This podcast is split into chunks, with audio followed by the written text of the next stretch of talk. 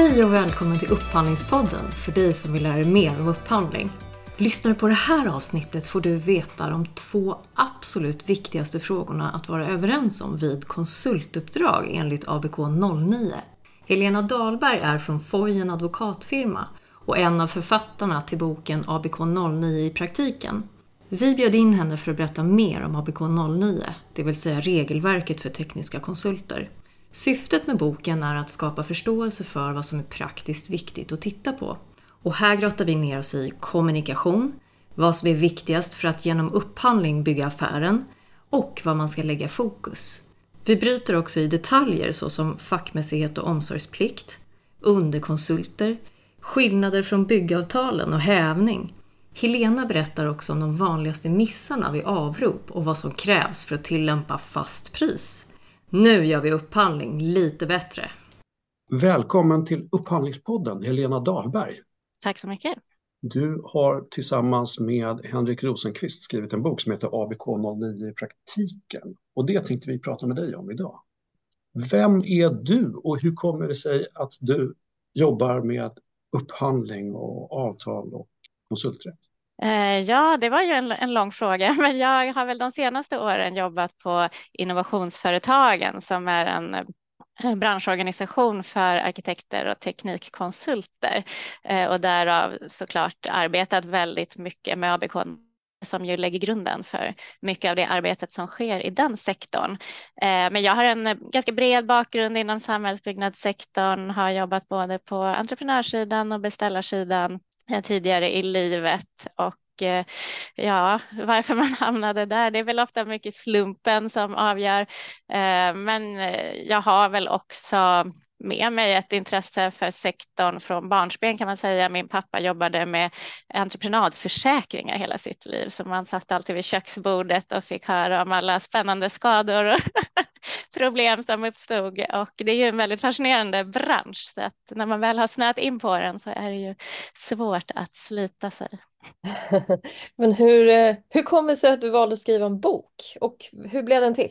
Eh, nej men jag tycker det är väldigt uppskattat själv när det finns böcker och bra litteratur och särskilt om de här ämnena som standardavtalen i byggsektorn som är ju väldigt speciella och när man kommer in utifrån som ny så är det väldigt svårt att förstå varför har man de här avtalen och de är långa och krångliga och vad är syftet med det hela. Så att jag har själv uppskattat väldigt mycket de böcker som finns och det som mina företrädare Staffan Karenholm och Lars Lundenmark har skrivit.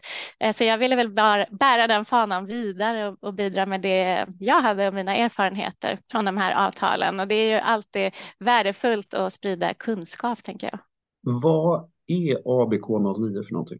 Ja, det är ju standardavtalet då inom samhällsbyggnadssektorn för eh, arkitekt och ingenjörsuppdrag. Och det är ju ett väldigt brett eh, avtal. Det är ju väldigt många olika typer av tjänster som upphandlas på ABK 09, eh, precis som de andra standardavtalen.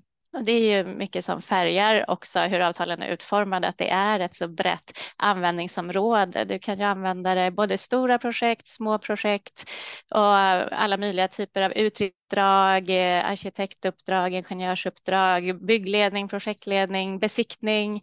Eh, så det är ju väldigt eh, spretigt användningsområde och det är ju väldigt fascinerande att man har kunnat samla det under ett paraply på det här sättet för att få en effektiv avtalshantering, för det är egentligen det det i grunden handlar om. Eh, hur kan vi få avtal på plats utan att behöva ha inne eh, jurister varenda gång vi ska skriva ett avtal och få de här smidiga transaktionerna, hålla nere transaktionskostnaderna och få en förutsägbarhet också.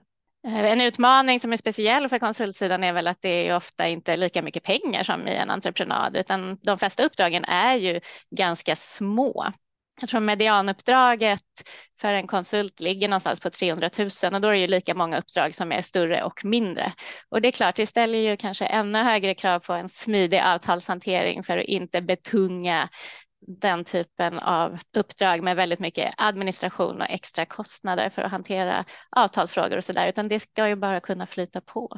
Hur länge har det här standardavtalet funnits till? Vet du, när kom det till första gången? Ja, det är gemensamt för alla standardavtal är ju att man har en väldigt lång historia som går liksom hundra år tillbaka i tiden med olika taxor och så vidare som har utvecklats. Det började väl med eh, arkitekttaxan och så vidare. Och, men det första ABK i liksom liknande den här formen var väl 60-talet, 66 om jag inte missminner mig. Eh, så att det har ju också en lång historik eh, av att ha använts i Sverige under lång tid. För du sa nu i Sverige också, finns det liksom motsvarande i grannländer eller i ja, jo men det gör det ju. I Norden har man ju motsvarande. Norge sitter faktiskt nu och eh, reviderar sitt eh, motsvarande ABK. Så det blir intressant att se vad som kommer över det. Danskarna reviderade ju sitt här 2018. Så att det finns ju liknande avtal på annat håll, men det är klart, det finns ju ingen synkning i Norden. Så att det skiljer sig en del. Men har du koll på hur de skiljer sig? Ja, inte i detalj. Alltså de stora dragen är ju ändå väldigt lika. Man känner igen sig när man bläddrar i dem. Men eh, det är väl den här historiken. De bygger mycket på eh, hur man har gjort eh, genom alla tider. Det är ganska kul att kolla de här gamla ABK som är faktiskt väldigt lika dagens ABK. Mm. Och det färgar ju mycket avtalen. Men sen också processen hur man tar fram dem skiljer sig en del. Men de eh, internationella avtalen då, liknar de i struktur? För jag vet att när ABFF kom till så, var, så hade man liksom en annan struktur som man sen valde att eh, göra om till entreprenadavtalens eh, struktur. Mm. Den resan gjorde man ju när man tog fram ABK 09 som ju mappades in då mer enligt strukturen i ABABT än de tidigare versionerna. Men jag tycker det är ganska lätt att hitta i, i de andra standardavtalen, även om samma uppbyggnad så, så det är inga konstigheter. Om man har koll på vad man letar efter så vet ja, man. Ja, precis. det är väl det. Ja. ja. Ja, men det är väl lite som att läsa juridik, för det är ju en speciell teknik man använder och det, det kan vara svårt men ha, det, är liksom, det är som att cykla lite. När man har mm. lärt sig det så, så blir det inte så krångligt. Nej, men det var väl lite det vi tänkte också med den här äh, boken, praktiska handboken, så man vet men vad i alla de här paragraferna är det som är viktigt att titta på? Vilka är de liksom praktiskt mest viktiga eh, paragraferna som liksom man behöver hålla koll på? För det är klart, när man går in i ett samarbete med någon och har ABK 09, då förväntar sig ju båda parter att äh, man ska ha koll på de här grejerna. Så att det blir ju en hygienfaktor också när man jobbar i de här uppdragen och projekten att man faktiskt har en grundläggande koll av vad förväntas av mig som beställare när jag sitter i ABK och vad förväntas av mig som konsult. Standardavtalen, några AB, ABT, ABK, de förhandlas ju och tas fram av BKK, visst är det så? Vad är BKK för någonting? För visst har du varit engagerad där också?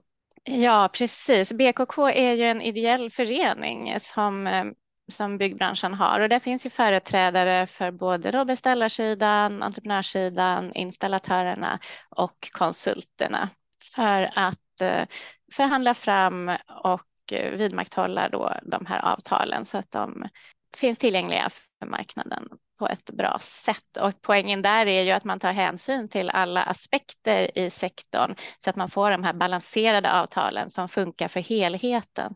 Eh, som ju är väldigt viktigt för att vi ska kunna ha en konkurrenskraftig och eh, framgångsrik byggsektor här. Du nämnde ju vad ABK var till för och vilka typer av konsultgrupper och inom vilken sektor och sånt där. Finns det något område där den kanske inte är praktiskt tillämpbar eller inte lämplig att använda överhuvudtaget? Det, som, det är ju inte avsett egentligen när man gör uppdrag för privatpersoner. Det är väl det som, eh, som skiljer ut sig finns det ju inget annat standardavtal för konsulttjänster och arkitekttjänster mot privatpersoner. Så att det händer väl titt som tätt att man ändå kanske tillämpar ABK även i dessa fall. Men de är ju inte anpassade för det, det ska man ju veta.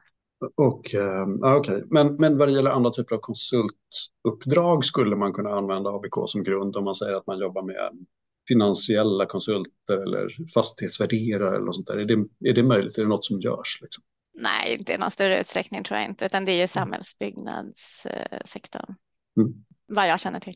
Men det finns ju någonting som heter ABKU, eller hur? Nej, men det tror man ju, men eh, vi jobbar faktiskt inte med det i konsultsektorn. Det finns ju bara på entreprenadsidan, ABU, ABTU, men eh, ABK används faktiskt även då mot underkonsulter, så där har man inte motsvarande uppdelning som man har på entreprenadsidan. Men ABK används ju väldigt mycket i alla led och alla bredder, så det är också lite skillnad.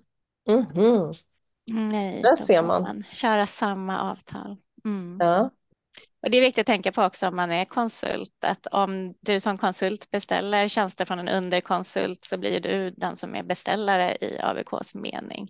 Vem som är beställare och vem som är konsult i det här avtalet, det tittar man ju på i varje avtalsförhållande. Så även om du identifierar dig som konsult kan du vara beställare i ett visst avtalsförhållande om du beställer en konsulttjänst av någon annan. Är det någonting i ABK som du tycker att eh, människor generellt sett har ganska dålig koll på som du skulle vilja lyfta? Speciellt, så här, det här vet ingen. Um, mystisk grej som gömmer sig i ABK som ingen vet, som är helt fantastisk. Typ. det finns ju mycket fantastiska regleringar i det här standardavtalet. Men det är väl där man önskar att det var lite mer kunskap är väl i kommunikationen. Att det finns ju en hel del kommunikationsregler i ABK precis som det finns i AB och ABT.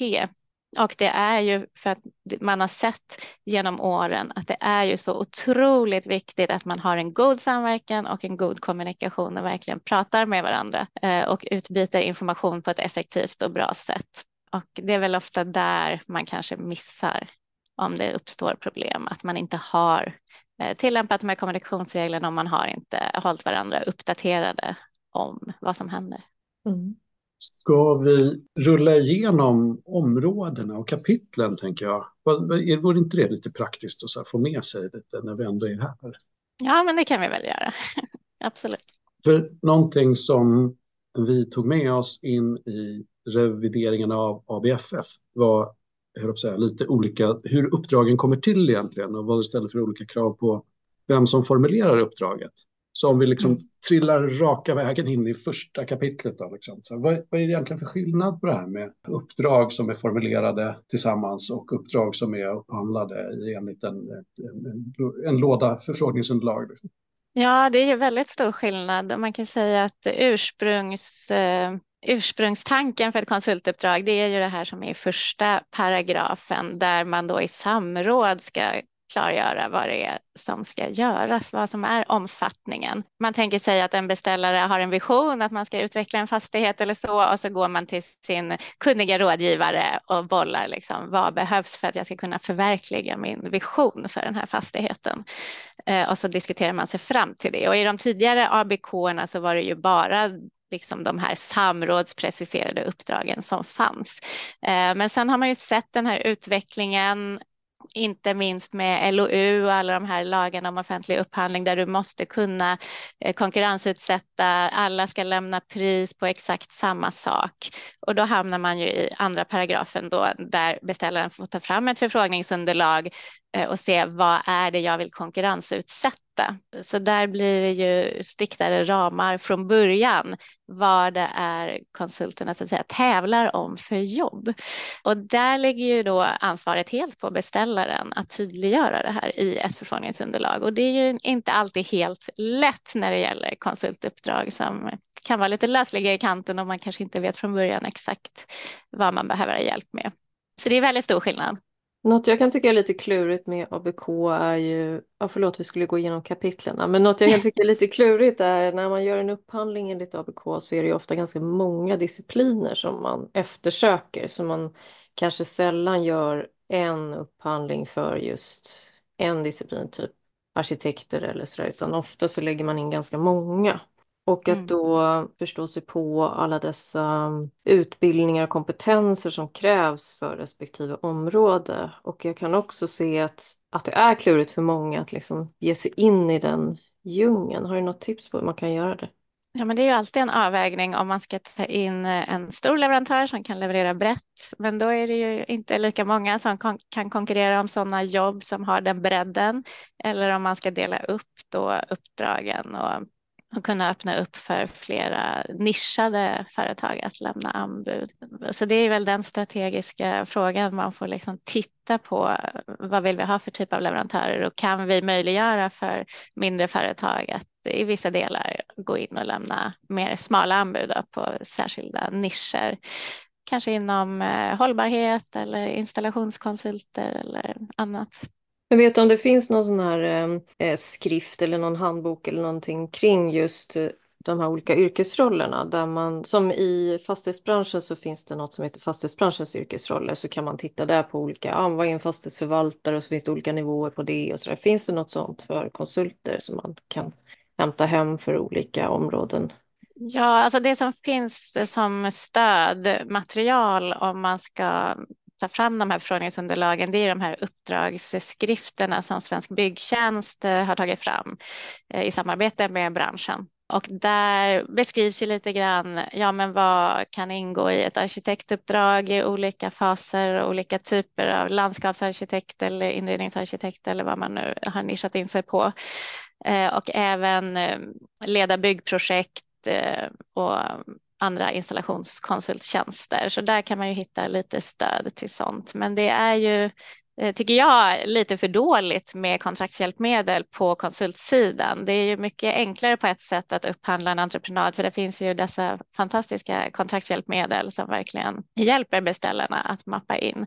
Så där tycker jag vi som bransch borde utveckla bättre faktiskt kontraktshjälpmedel för hur man ska mappa in de här olika uppdragen och Eh, vad som kan ingå, vad bör ingå, vad kan ingå. Det där är ju någonting vi har möjlighet att utveckla framåt. Ja, och mm. kanske också digitalisera dem och göra dem lite mer kanske standardmässiga i sig. För jag har jobbat en del med de här arkitektens uppdrag och VVS-konsultens uppdrag och vi satt tillsammans med en, en förening som heter CM-företagen för några år sedan också och tittade på motsvarande uppdragsbeskrivning med lite fördjupade eller förlängda mandatsformuleringar kring ett projektledningsuppdrag som byggde på en mycket delad entreprenad. Och det landade inte riktigt, men egentligen så är det just för att få till det här, alltså vad ingår egentligen i uppdraget och hur långt drivs det? Men de är lite tungarbetade och det är, mm, det är lite verktyg som behöver komma till tror jag för att de där ska bli riktigt användbara.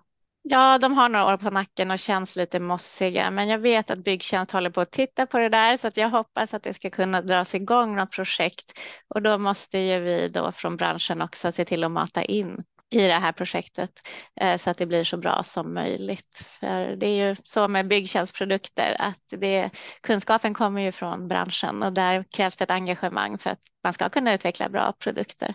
Eh, men det tror jag att det finns. Eh, det är ju väldigt många som har behov och intresse i de här delarna och verkligen ser att det skulle kunna fungera så mycket bättre. Jag tänker så här, när vi ändå pratar om det, då, kan man säga någonting om vad som är det allra viktigaste att ha med i uppdragsbeskrivningen eller omfattningsbeskrivningen? Finns det något sådär som man inte får missa? För sen är det ju som du säger kommunikationsregler och det, vi kommer kanske in på lite budgethantering och sådär. Men finns det något man inte ska tappa alls? Ja, vad svårt. Det är väldigt mycket man måste med. Men att ha den här röda tråden. Vad är målet med det här uppdraget? Vad är det vi vill uppnå? Vad, vad är det viktigt? Det är det man behöver fokusera på och verkligen få fram. Och särskilt om man vill jobba mer nu med hållbarhet som vi måste göra då gäller det att få med sig det från början in i första konsultuppdraget för att kunna styra. Du kan ju påverka väldigt mycket i början utan att det behöver bli alltför kostsamt. Men om du börjar lägga på de här hållbarhetsaspekterna i slutet när det börjar bli dags att upphandla en entreprenör, då är det ju ofta för sent för att kunna göra de här stora förändringarna. Eh, så att få med sig vad har vi för mål egentligen i det här projektet och få med det från början är ju väldigt viktigt. Är det också någonting som du upplever tappas eller är det någonting som, alltså i de, de du har sett, jag säga, ser man att det blir också framgångsrika uppdrag och bättre samverkan när det är tydligt formulerat? Liksom? Kan man dra några sådana slutsatser? Det är svårt att säga generellt, men eh, jag kan tycka att man generellt sett faktiskt ofta missar att ge själva upphandlingen den här strategiska tyngden som den faktiskt har och kanske ser det mer som ett onödigt ont och så kommer den jobbiga upphandlingen och LOU och det är bara massa juridik eh, och så missar man att tänka att det här är faktiskt där vi bygger affären och det är här vi kan verkligen ha ett starkt verktyg för att gå in och påverka hur det här projektet kommer sluta. Eh, så att eh, se upphandlingen som en möjlighet och möjliggöra det istället för ett tråkigt juridiskt hinder. Det är väl verkligen någonting man bör fokusera på tycker jag. Och det som jag förstår många gånger är liksom en knäckfråga i den här typen av avtal och upphandlingar är ju liksom själva utvärderingsmodellen. Det är ju en väldigt viktig parameter och det är ju svårt att upphandla intellektuella tjänster, just hur man utvärderar det på ett liksom objektivt och transparent och likabehandlande sätt. Mm. Eh, så det finns ju utmaningar där, absolut. Nej, men det man ser är väl att om man går hårt på, på lägsta pris så blir man ofta kanske inte så nöjd på någon sida, där man måste hitta andra, andra vägar framåt. Eh, och sen finns det tyvärr inte en eh, smart lösning som passar för alla upphandlingar eftersom det är ju väldigt olika typer av projekt och så vidare. Så att eh, det är ett jobb man behöver göra internt också, vad man har för mål med sin upphandling. Och där tycker jag kanske också ofta att det inte är helt klart alltid. Vad är målet i den här upphandlingen? Vad är det som är viktigt? Vad är det vi vill satsa på? Vilka värden är det som vi värderar? Mm. Eh, så det är väl egentligen den här eh, grunden man måste ha och stå på och se till att det verkligen genomsyrar både upphandlingen och sen genomförandet och uppföljningen av, av avtalet. Om man tänker sig att man till exempel handlar upp ett ramavtal, vilket är ganska vanligt, för att sen då ha en, någon typ av beställningsmall för varje avrop till olika projektuppdrag. Då, då. Hur mycket ska man ha med i ramavtalet och var ska man liksom dra gränsen för vad som ska in i någon typ av eh, avropsmall? Precis, ja, men ramavtalet sätter ju de här affärsmässiga ramarna, men sen själva uppdraget i sig som ska avropas och vad det ska innehålla, det behöver ju preciseras där och då, för det vet man ju ofta inte mm, jo, när man precis. tecknar ramavtalet. Ja. Mm.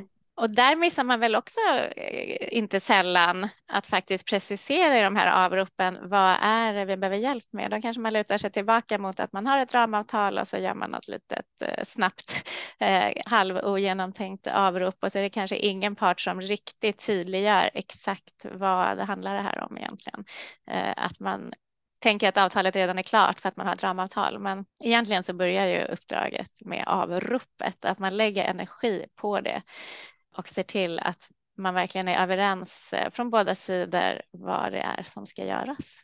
Så det du tänker är kanske egentligen inte att man lägger in för mycket i ramavtalet utan snarare att man är lite för oprecis i, sin, i sitt avrop sen ja. i slutändan. Ja. Man ser, ja, men det ser man ju när det blir tvister om de här avropen, att det kan ju vara en mening bara. Vi behöver en projektledare, ja. punkt. Eh, och då ja. behöver man ju, och det är båda parters intresse att lyfta den frågan. Men vad är det vi egentligen ska göra här? Mm. Och gränsdragningsfrågor blir ju ofta svåra. Det är ju många parter inne i de här projekten. Det är också något man behöver ha med sig under hela uppdragets gång och se hur det utvecklar sig. Det tillkommer ju ofta ganska mycket Eh, arbete som man kanske inte hade tänkt sig från början när man anlitade konsulten och att man hela tiden håller sig uppdaterad på gränsdragningar mot andra discipliner och ser till att inget faller mellan stolarna. Det är också en utmaning i våra projekt. Jag kan ju bara hålla med om det Jessica säger att ramavtalen är liksom väldigt mycket ett stöd och så ringer man och säger att jag behöver en arkitekt och du är först på listan. Kan du komma hit? Och sen så börjas det och så vet man inte var det börjar och slutar och så är man ganska oense om omfattningen och budgetregleringar och har en rörlig ersättning och så där. Så det finns mycket att stöka om i det där kan jag tycka. Jag mm. tror att det skulle vara ett stort värde i att verkligen ha en eh, begriplig eh, beskrivning. När man nu anlitat en konsult, jag är jättenyfiken på något som är kravet på fackmässighet. Det kommer upp lite då och då och ibland, så vi har ju olika utbildningsbakgrunder inom det vi också jobbar med. Och vissa saker, vissa områden krävs att man är certifierad för att få projektera till exempel eller åtminstone kontrollera och godkänna att projekteringen är okej okay och sådär. Men vad innebär generellt sett kravet på fackmässighet? Ja, det är ju lite luddigt som man ju hör på begreppet. Och eh, det går ju inte att säga generellt, men eh, man ska tänka vad en normalt kunnig fackman eh, kan förväntas liksom leverera. Och det, en viktig del är ju omsorgsplikten, att man ska ju visa omsorg och också tillvarata då sin beställares intressen. Och det där är också något som kanske ofta missas i projekten man tänker att man tar in en konsult som löser allas problem, men den här konsulten jobbar ju i sin beställares intresse, så det är klart, det blir ju väldigt stor skillnad på om till exempel byggherren tar in en konsult eller om det är en totalentreprenör som tar in en konsult, liksom vad målet är och vilka intressen som tillgodoses. Så det är också en viktig fråga, för det är ju väldigt många i ett projekt som har synpunkter på vad den här konsulten bör göra och inte göra och vad som är den bästa lösningen för byggherren kanske inte är den bästa lösningen för entreprenören och så vidare. Så att man tänker på det, att den här konsulten jobbar ju för sin beställares räkning och inte någon sorts allmängods för alla i projektet att eh, liksom dra nytta av direkt. Sen kan man ju komma överens om det såklart. Men just ja, vad en liksom normalt kunnig fackman kan förväntas göra. Och det är ju väldigt svårt att mappa in generellt, utan där får man ju titta från fall till fall. Och det finns ju en hel del eh, rättspraxis på det här också, men det är ju svårt att dra för stora växlar vet man ju också av rättsfall. Det beror ju väldigt mycket på vilken bevisning som finns, vilka vittnen som är inne, vad säger de här vittnena? Så att eh, man får inte heller dra för stora växlar. Men det är klart, om man tittar på rättsfall så kan man ju få en hint om ungefär eh, känsla för hur, hur i alla fall en domstol brukar resonera. Jag tänker att det blir väldigt starkt kopplat då till vilka kompetenskrav man har ställt. För har man ställt lite för fluffiga eller kanske obefintliga kompetenskrav jämfört med om man har ställt ganska strikta kompetenskrav så kan man ju ställa lite större krav på de striktare utifrån det, fack, det fackmässiga perspektivet. Hur tänker du där? Alltså, jag tror sällan problemet är att om någon skulle ha fem års erfarenhet av det här och sen hade den bara tre års erfarenhet, utan det kan ju ofta har man ju den erfarenheten som har krävts och uppfyller de här kompetenskraven, men ändå finns det andra anledningar att man inte levererar ett fackmässigt resultat och inte sällan kan det bero på tidsbrist. Eh, tiden är en väldigt viktig faktor här för att man ska hinna genomarbeta saker ordentligt. Eh, så jag tror ändå att det är ganska sällan som det är det som är problemet. Men det kanske är för att ni är så duktiga på att ställa de här kompetenskraven. Eller vad säger ni? Mer så här, man ställer krav på olika utbildningar, certifikat eller intyg eller någonting sånt. Men kan det finnas någon samordningsproblematik inbyggt i det här? Då? Eh, kan det störa den fackmässiga? När du säger tidsbrist och så där så tänker jag att det kanske också kan koppla till samordning med andra andra runt omkring eller att man har olika konsulter som gör olika saker som inte samordnas riktigt.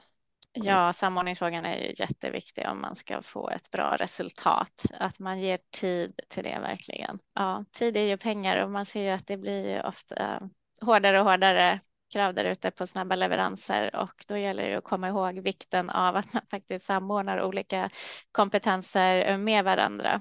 Men äh, oftast faktiskt när man hamnar i en situation där en beställare tycker att en konsult har varit eh, icke fackmässig eller vårdslös så är, bottnar det ofta i en otydlighet i har det här ingått ens i uppdraget? Så det är ofta det det faller tillbaks på att det här kanske inte ingick i konsultens uppdrag att göra det här som beställaren hade förväntat sig.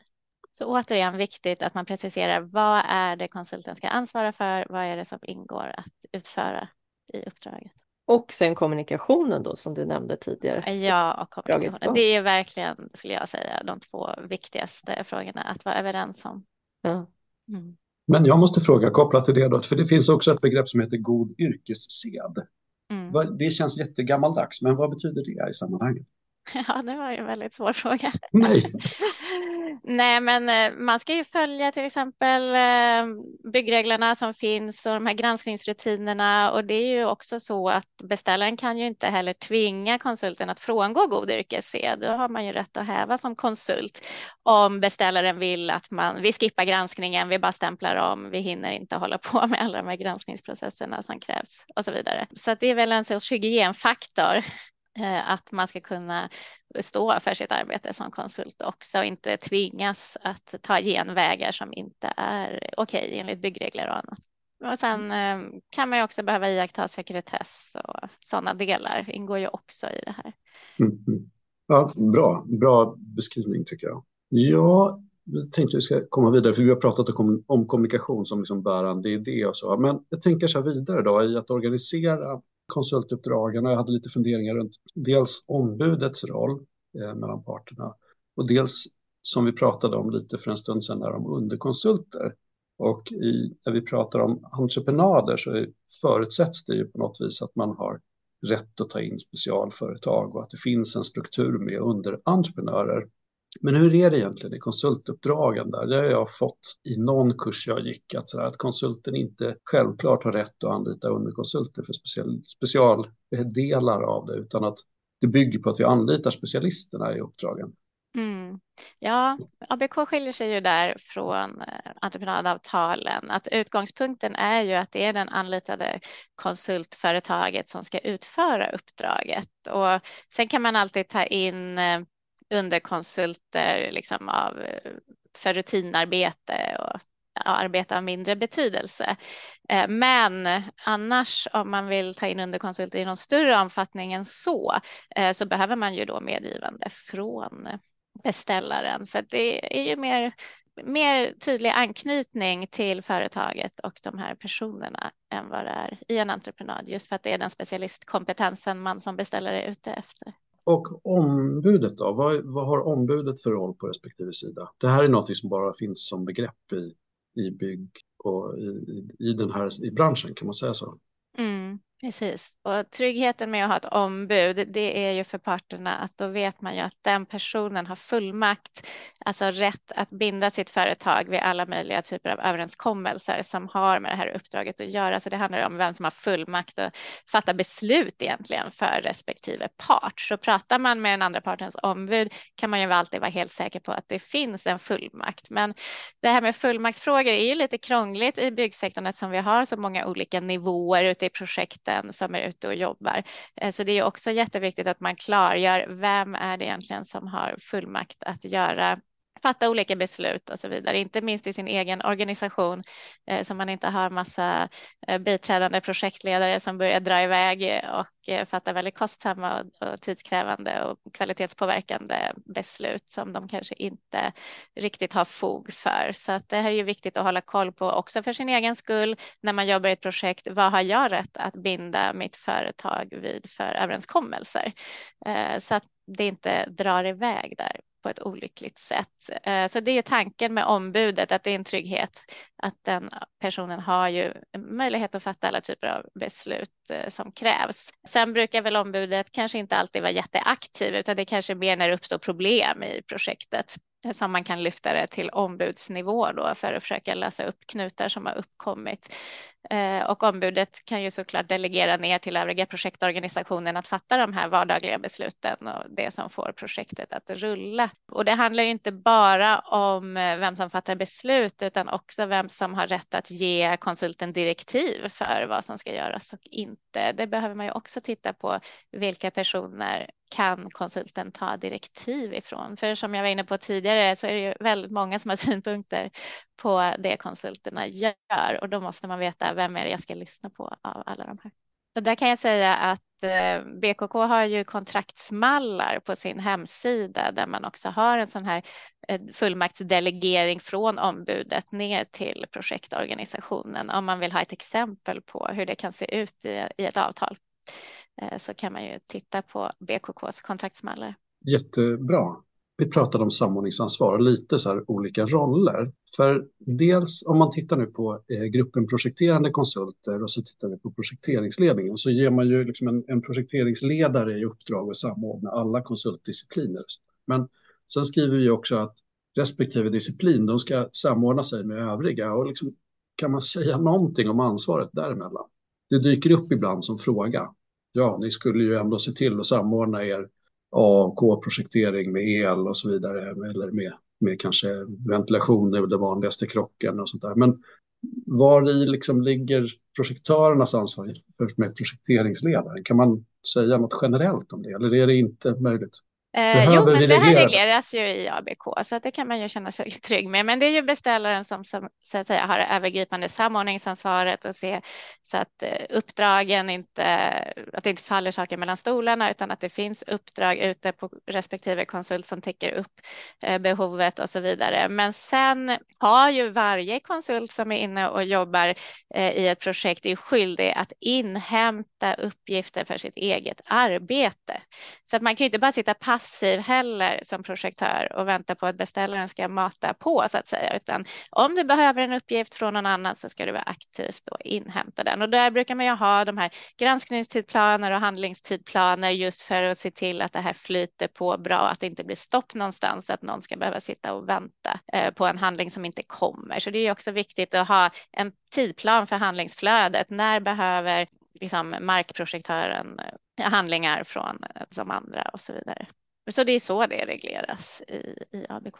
Så det finns en aktivitetsplikt också hos, hos de som jobbar i projektet, de enskilda konsulterna. Och sen är ju såklart beställaren skyldig att tillhandahålla den information och de uppgifter som konsulten behöver. Det är inte heller alltid helt lätt faktiskt att få ut de uppgifter man behöver. Men det är väldigt viktigt att man, att man får det för att det ska bli ett gott resultat. Så är man ju beroende av ofta input från beställaren och sidokonsulten Mm. Men hur, ehm, den här ersättningsformen timarvode, är det det vanligaste i konsultavtal skulle du säga? Ja, men det är fortfarande det vanligaste eh, har vi sett när vi har gjort sådana undersökningar hos våra medlemmar. Sen kommer det ju mer och mer alternativa ersättningsformer, fast pris och annat. Och det är klart i takt med att vi blir mer och mer digitala, det är mer och mer digitala verktyg som levererar lösningar till oss, så blir de här timpriserna ganska missvisande och eh, inte heller särskilt lämpliga att tillämpa när det är så mycket mer än så att säga en gubbtimme som levereras.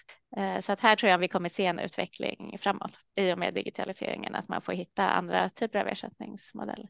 Har du några exempel? Det här är jättespännande, förlåt. Jag, jag bara Nej, absolut, det var min fråga också. Finns ja. det hur ser det ut? Vart går det åt?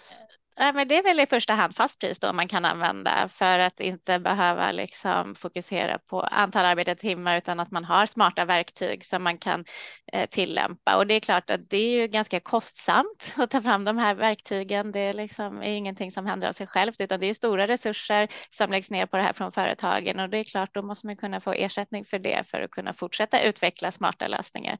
Och det här är ju någonting som verkligen kan gynna hela sektorn om vi kan lära oss att jobba mer på på det sättet och inte tänka att en person ska sitta och jobba timmar för att lösa våra problem, utan att vi faktiskt hittar ett annat arbetssätt. Men det är klart, fasta priset har sina utmaningar, inte minst i och med att uppdragen är lite mer lösliga i kanterna och det är inte helt lätt att mappa in vad ingår i ett fast pris, vad ingår inte. Och där är man väl fortfarande ganska grön på konsultsidan i de här bedömningarna. Man är väldigt van på entreprenadsidan och har en känsla för vad ingår, vad ingår inte. Men är inte riktigt lika erfarna på konsultsidan med det, så där är det också viktigt att man har förståelse för den utmaningen och har en god dialog mellan beställare och konsult och inte minst om det har varit en offentlig upphandling där det är hårdpriskonkurrens. Då är det klart, då måste man, kan man inte räkna med en massa extra strössel från konsultsidan, även om man ser att det vore bra att ha med. Men där är nog en resa som, som vi kommer se framöver. Mm.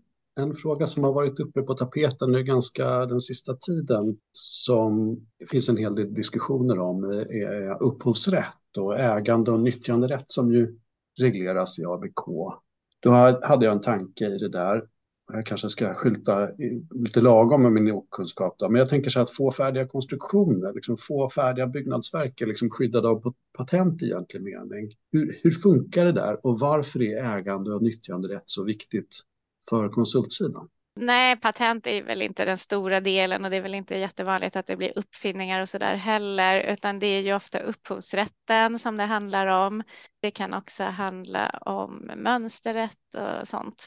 Eh, men upphovsrätten är ju den stora pucken tecken. Och det är ju ingenting som är specifikt för oss i Sverige utan det är internationellt eh, lagar om upphovsrätt. Och det uppkommer ju hos den skapande personen. Och det här är ju ofta skapande verksamheter. Eh, man tar fram ritningar och lösningar och designer och så vidare. Så att det är ju väldigt vedertaget.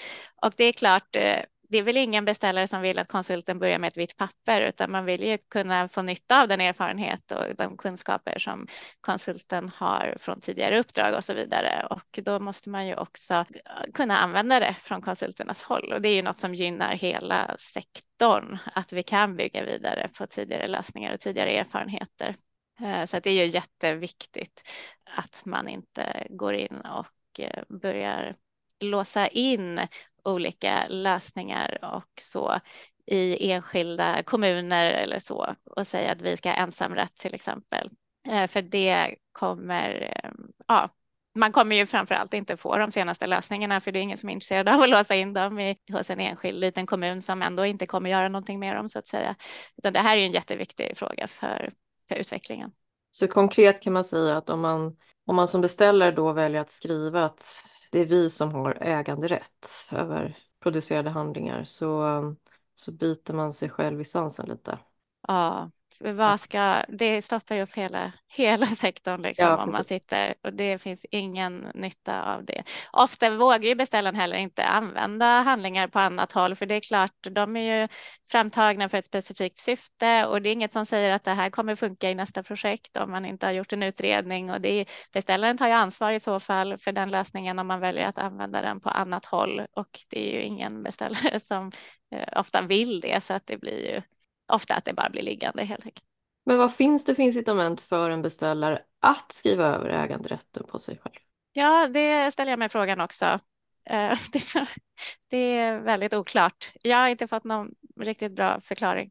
Magnus, jag, tänker, ja, men jag tycker att det där är lite intressant faktiskt. För det är, man kan ju också lite fundera på hur man ska kunna fritt nyttjande saker, nyttja saker och ting som, som beställare. Och återupprepning är ju en sån aspekt. Och jag vet att det finns vissa byggherrar som jobbar med specifika stomlösningar som man har, har jobbat eh, tajt med eh, stomkonstruktörer till exempel eh, att ta fram och kunna återupprepa.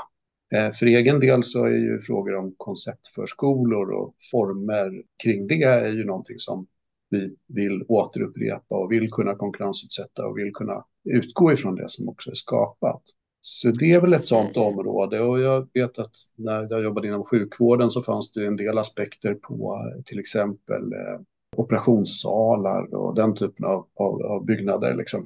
Så visst, jag tycker nog att det finns ett, en del frågor om det här där man, där man vill eh, själv kunna eh, disponera det materialet på ett sådant sätt att man kan ta det till en annan grupp eller ta det vidare. Liksom. Det, jo, det finns ju inget som hindrar det, utan ABK är ju väldigt eh, generös i sin skrivning att beställaren får använda resultatet för det avsedda ändamålet. Så är det ändamålet så har man ju all rätt att göra det redan enligt ABK som det står från början. Och det är också väldigt stor skillnad på att ha ensamrätt eller äganderätt jämfört med en fri nyttjanderätt. Eh, det är väldigt olika saker. Om, för om, så fort du tar en ensamrätt eller en äganderätt så vill du avskära konsulten då eller leverantören från att själv kunna jobba vidare med det, utan du ska vara den enda som kan göra det. Och det kan ju vara om det är till exempel en viss design i någon eh, hotellkedja eller så där som man vill eh, konceptualisera vill man kanske inte att alla andra hotellkedjor har exakt samma design. Det kan ju finnas sådana saker, men eh, generellt sett så, så måste man ju skilja på den här nyttjanderätten och ensamrätten. Det är väldigt stor skillnad i de två. Så ska man formulera någonting kring det så är det bättre att gå just på nyttjanderätten och säga att det är den som vi vill komma åt när vi vill återupprepa eller när vi vill liksom, disponera eh, konceptet. Det bästa är om man kan klarlägga ändamålet från början. Mm.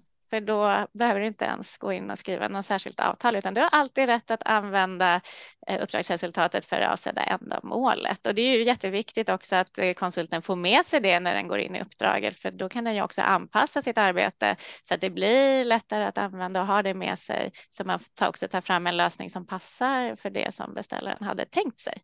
Så här är också, tänk på det från början. Hur vill vi kunna använda det här? Vad har vi för behov? Mm, mycket bra. Vi återkommer till de här mål och syftesbeskrivningarna. Det är liksom en röd tråd i alla upphandlingsfrågor som det verkar och i alla kontraktsfrågor. Bra, och jag fick svar på mina frågor. Jag känner att det, det är lite en nivå på ytterligare. Men, men jag, en fundering i ett område är egentligen i med BIM-projektering och i med modelleringsprojektering där man också bygger in fler konstruktionslösningar i till exempel i en digital modell och sånt där. Finns det någon del av det som påverkar ägande nyttjande-delen också? Ser ni att det har förändrats? Liksom? Eh, nej, egentligen inte, men det blir ju också mer av ett eh, samskapande. Det blir ju kanske svårare att urskilja vem har gjort vad när man har suttit många olika företag tillsammans och jobbat fram olika lösningar. Så det är klart, det blir ju svårare gränsdragningar så om man nu skulle vilja sätta hårda gränser kring ensamrätter och så där. Det är ju svårt att veta exakt vem som har gjort vad kanske utan att gå in väldigt noga i modellerna och, och se jag vet inte exakt hur spårbart det där är faktiskt, vem som har dragit vilket streck, men, men samskapande, då kan det vara många som har en upphovsrätt eh, till en lösning. Men, så det är väl det. Sen kommer det ju mycket nu med dataakten och så där från EU. Hur får man använda data som kan bli väldigt intressant också eh, för utvecklingen framåt. För det är klart, eh, man vill ju kunna använda data till att hitta nya smarta lösningar framåt. Mm. Så det kommer ju vara en, en stor fråga tror jag framöver. Mm. Nej, för jag tänker bara det här att med äganderätt och nyttjanderätt så handlar det väl snarare för en offentlig beställare om att ja, men vi vill kunna använda det här konceptet vidare. Även om eh, konsulterna lämnar oss för att vi handlar upp nya ramavtal eller sådär eller att vi inte har någon, något vidare samarbete med dem framöver. Det kan ju aldrig handla om från en offentlig beställare skulle jag säga att man ska sitta på koncept som ingen annan får använda. Eller? Jag har svårt att se det också. Eh, och det är klart att eh, det, det, framgår ju också av ABK att den som är ägare av en fastighet får ju använda resultatet för liksom fastighetens förvaltande. Det ju, ingår ju också automatiskt att man har den rätten. Mm. Så att man behöver inte vara, tror jag, så himla orolig, även om, även om det kan kännas obehagligt. Men om man bara vet hur man, vad man har för ändamål med uppdraget så har man löst den här knuten ganska så väl. Mm jag kan tänka att, att det kan finnas ett intresse för vissa specifika konstruktionslösningar. Det har ju också sitt ändamål, precis som du säger. Eh, jag vet att på den tiden landstinget i Stockholm tog fram en speciell design för en receptionsdisk som skulle kunna användas, som togs fram eh, tillsammans med, med eh, brukargrupper, då, olika eh, typer av intressentgrupper som, som jobbade med, med funktionsvariationer och sånt där för att ha en, en väldigt stark tillgänglighet. Och i den diskussionen då så fanns det ett behov av att kunna disponera och hantera det mellan regionerna utifrån den, den liksom uppfinningen eller den lösningen och inte behöva oroa sig för att någon annan skulle kommersialisera på den designen och liksom sälja tillbaks den till det som liksom landstinget själva hade finansierat. Så det fanns en sån diskussion där. Men det kan vara också så att man gick vilse då i de partsrelationerna. Ja, det finns ju alltid eh, exempel, men eh, de här avtalen är skrivna för att det ska fungera i liksom eh, 999 fall av tusen och sen finns det alltid avarter och allt går inte heller att reglera givetvis i ett standardavtal, utan det är viktigt att man har de här grundläggande principerna och det som får de allra flesta projekt att fungera. För jag tycker också, man brukar säga att det tvistas mycket och så där i byggbranschen, men det är fantastiskt att det också finns så många projekt där det här faktiskt funkar väldigt bra. Eh, så det ska man komma ihåg också att det är också därför avtalen används i så stor utsträckning. Det är ju väldigt speciellt att man har standardavtal som används i så stor utsträckning och det är ju för att de faktiskt de allra flesta fall funkar väldigt bra. Bra. Bra du nämnde som grund för kommunikation och tydlighet så nämnde du tider och tidplaner och leveranstidplaner och sånt där. Och jag vet att det finns ett kapitel om det. Är det någonting särskilt vi ska säga om tider och tidplanering? Nej, men det är ju också viktigt att man har en samsyn kring tidplanering och inte är alltför optimistisk och verkligen ser till att man får den tiden som behövs, så att man inte hafsar igenom och tänker att det där löser vi sen eh, på något sätt, utan ja, det är en svår balansgång, jag vet, i projekten. Man måste ju komma framåt och det är dyrt att dra ut på tiden. Men att hitta en, en bra balans där så det faktiskt också kan bli ett gott resultat. För det, det man slarvar i början kostar ju eh, ofta på i, i slutet annars, om man inte har hunnit göra sitt jobb ordentligt. Så att en förståelse för en god grund att bygga vidare på är ju bra. Alltså. Men det är svårt. Jag tänkte, ja, nej, men det är, väl, det är väl gott. Jag tror att vi, vi är överens om det som balansgång. Fel och felavhjälpande utan att jag säga, lova för mycket för konsultbranschens räkning. Då. Kan man säga någonting om hur det hanteras enligt ABK?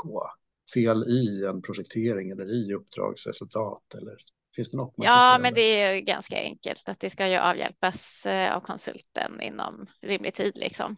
Så att det är ju ganska enkelt och det är väl ofta inte där som problemet ligger utan det är följdeffekterna och de skadorna som kan uppstå på grund av kanske stillestånd i entreprenaden eller annat som det oftast blir diskussioner om. Där kan man ju liksom dra ett steg vidare till eh, konsultansvarsförsäkringen där man har ett ganska lågt eh, ansvar för skador, eller vad säger man? Säger man ett lågt ansvar? Ett litet ja, ansvar eh, rent kostnadsmässigt för skador. Och det där har jag märkt kan bli ett stort problem för då kan vissa beställare säga, ja men höja prisbasbeloppen med eh, jättemycket eller sådär så att konsulterna inte kan få sina försäkringar alls och att det blir problem därefter. Men hur, hur kan man lösa den typen av frågor utan att det blir fel för antingen den ena, alltså en win-win? Men det gäller ju att ha en, eh, det ska ju vara realistiskt ansvar och det är ändå, skulle jag säga, förhållandevis sällan som man ändå når upp i det här ansvarstaket. Men det är klart att det kan finnas eh, jättestora projekt där det kan bli större skador, men för det allra mesta så kommer man inte upp i, i det här taket. Men om det finns ett behov så ska man ju tänka på att det krävs ju tilläggsförsäkringar då från konsulterna. Så det, och de här projektförsäkringarna är ju kostnadsdrivande och det är också lite krångligt att teckna en sån, så det är inte alla konsulter som kanske tycker att det är värt att hålla på, utan kanske väljer då att avstå om det är alldeles för höga försäkringskrav som ställs. För eh, är det så att man höjer ansvaret så måste man ju också då försäkra upp det från konsultens sida. Det är lite speciellt i de här konsultuppdragen som jag var inne på tidigare, att det är ju inte ofta jättestora pengar det handlar om i ersättning, medan det kan bli stora konsekvenser om det blir fel. Så därför är ju försäkringen så superviktig för konsultföretagen för att kunna hantera en stor risk till en ganska liten ersättning förhållandevis. Så det är ju en jätteviktig fråga. Jag vet inte om det var svar på det du undrade, men tänk efter om det verkligen är nödvändigt. I de flesta fall så klarar man sig ganska bra eh, på de här 120 prisbasbeloppen. Jag har mm. inte jättemånga exempel på när det har eh, slagit över rejält därutöver. Nej, nej, nej. Ja, nej, men precis. Jag antar att det liksom det blir väldigt mycket från fall till fall som du säger och sen så om man någon gång har råkat ut för någonting som har ja, men vårt garage sjönk på grund av att konsulten hade räknat fel eller gjort fel. Då, då kommer det sen i framtiden att färga hela synen på hur man skriver sina ramavtal. Man kanske behöver fundera lite på rimligheten i det, hur man tänker det, snarare än att standardavtalet ska ändras på något vis. Eller mm. Precis, och så tänka ansvar i relation till ersättning. Att vad kan man förvänta sig också av ett litet uppdrag, att man ska kunna bära för, för ansvar.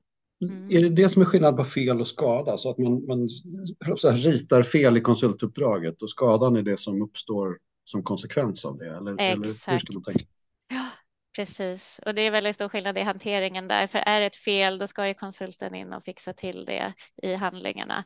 Men skadan ska man ju inte gå in och börja peta i, för det är ju en försäkringsfråga. Så där ska ju försäkringsbolaget ta hand om det. Men jag tror att det stora bekymret ofta för beställare är nog inte det här liksom ansvarstaket, utan eh, det är ju att faktiskt kunna konstatera vad har det här lett till för skada och har det ens blivit någon skada? Man, kanske oftast är det en, eh, mer av en besvikelse, men sen kanske inte ledde till så mycket kost, merkostnader ändå i slutändan. Men det kan ju inte alltid är helt lätt att härleda heller vilka kostnader det har lett till. Mm. Jag har en fråga kring de här begreppsbeställningarna. I början av ABK så finns det ju sådana. Där har man ju inte med konsult, precis som man inte har med entreprenör i de andra AB och BT. Det kan ju slängas med lite olika begrepp kors och tvärs. Och i LOU så pratar man ju om leverantör.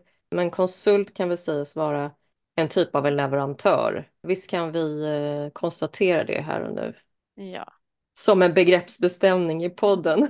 ja. Vi har vår egen nomenklatur. Ja, men så är det ju. Det är ju en leverantör till då beställaren som man skulle med ett annat ord då kunna kalla en kund. Kund och leverantör. Ja. Just precis. Ja. Mm. Vad skönt, det känns bra tycker jag. Och då med konsult då avser vi också konsultföretaget som leverantör, eller hur? När ni säger så, och inte den enskilda konsultpersonen.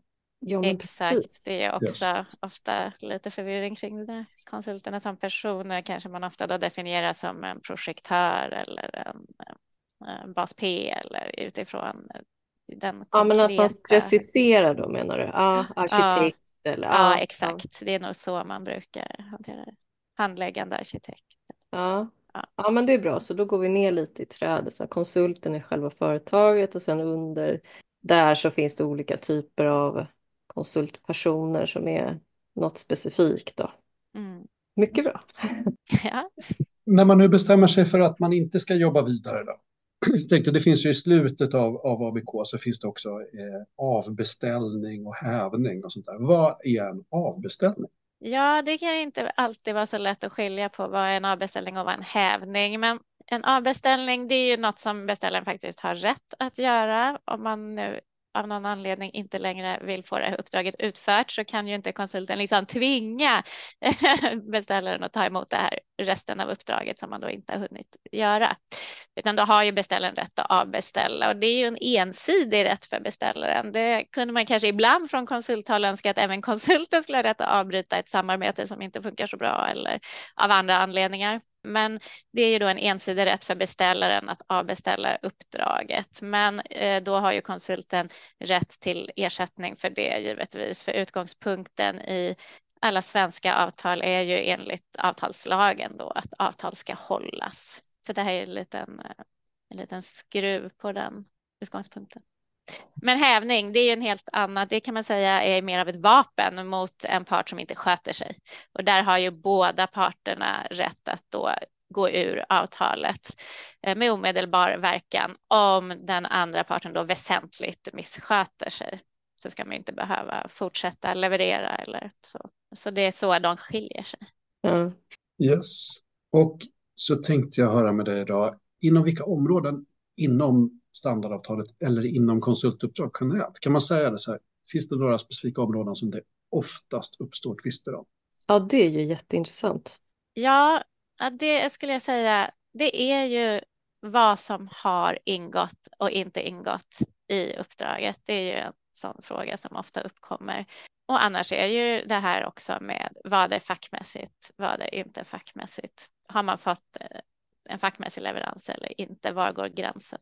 Det är väl egentligen de två. Men sen, det är väl liksom det man tvistar om kanske i domstol, men där det uppstår liksom mera dålig stämning i projekten eller så där, det är väl när man inte riktigt kommunicerar väl.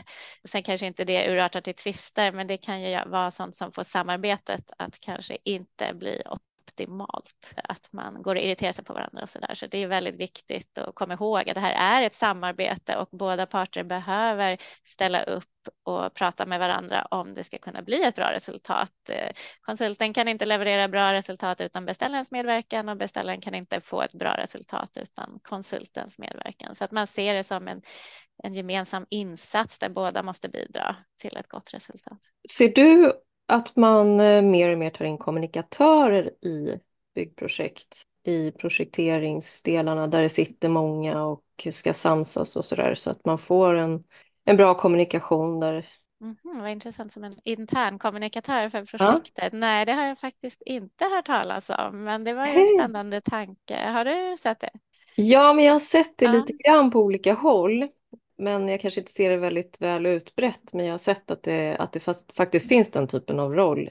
Tidigare hade mm. man väl mycket sådana här, jag äh, minns inte riktigt vad de kallades, men avtalsingenjörer som ju satt och ansvarade för att hantera avtalsfrågor. Sen har man ju Eh, liksom skurit ner på det där och lägger mer och mer på projektledaren. Men det är klart, det kan ju bli ganska ohållbart till slut i större projekt om projektledaren ska behöva sitta och ha koll på eh, varenda avisering och varenda kommunikation och varenda byggmöte. Så att det finns ju en poäng att eh, ha en specifik kompetens som hanterar de här frågorna. Sen om det är en kommunikatör eller en avtalsingenjör eller vad man nu kallar det. Men eh, det är ju viktigt att ha koll på de här delarna, absolut. Eh, just nu så håller ju BKK på eh, och eh, ska producera en en remissversion av AB som kommer förhoppningsvis kommer att komma ut nu här i år. Och det finns ju lite önskemål om att revidera ABK här i, i någon slags framtid också. Finns det något som du tycker saknas i ABK 09 som du skulle önska finns med i nya versioner? Eh, oj, vilken spännande fråga. Man har inte nästan hunnit börja drömma om en revidering av ABK, alltså jag får nog nästan passa på den. Men eh, generellt sett skulle jag säga att ABK eh, funkar ganska bra och sen skulle man ju kanske vilja ha lite mer tydlighet i vissa delar. Jag kan tycka att det kanske är lite väl luddigt här och var. Lite tydligare regleringar på sina ställen hade nog varit att föredra. Men det är inget sånt där stort kapitel som jag saknar direkt. Nej. Finns det något som man kan läsa mer om i din eller i er bok som inte vi har pratat om här som du skulle säga det här måste ni läsa om i boken?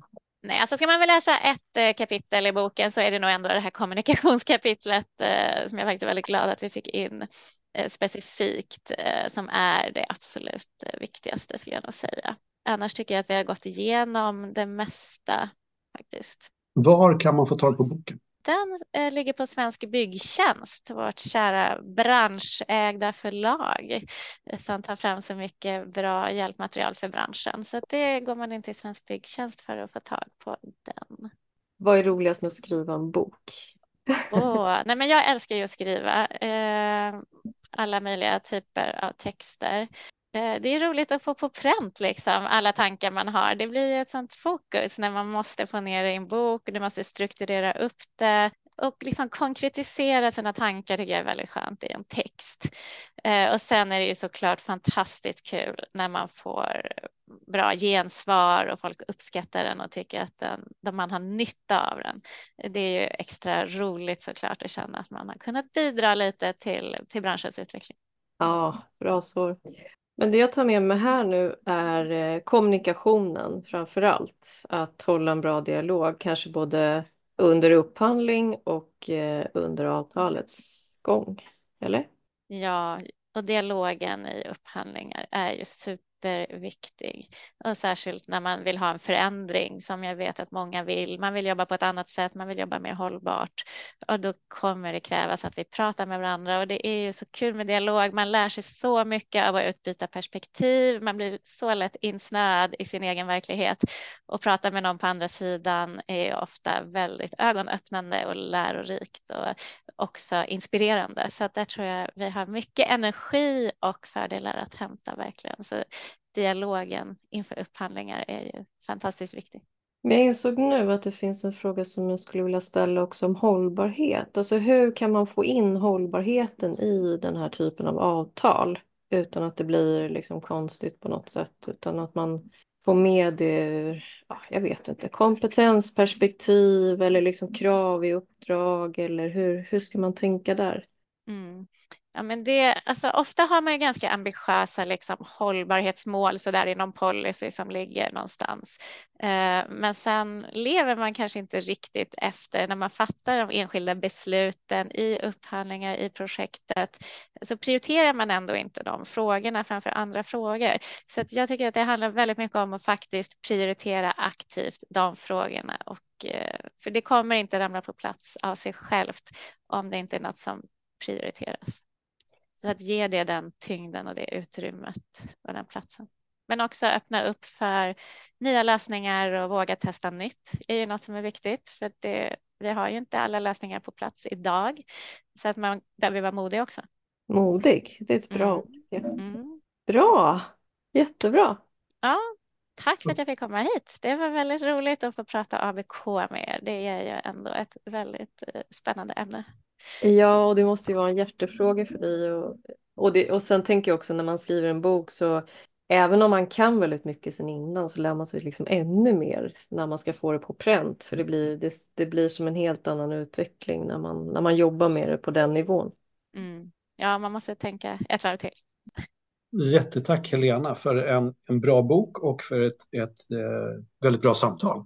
Ja, stort tack, verkligen. Så hoppas att vi får höra mer i dialog framöver. Då. Ja, men det kommer vi absolut att göra. Det är jag övertygad om. Tack för att du lyssnat. Finns det saker du skulle vilja höra mer om eller någon du kanske tycker att vi ska intervjua så hör av dig till oss på lyssna.upphandlingspodden.se. Ett särskilt varmt tack till Erik Stridell på Bybrick som komponerat Upphandlingspoddens jingel.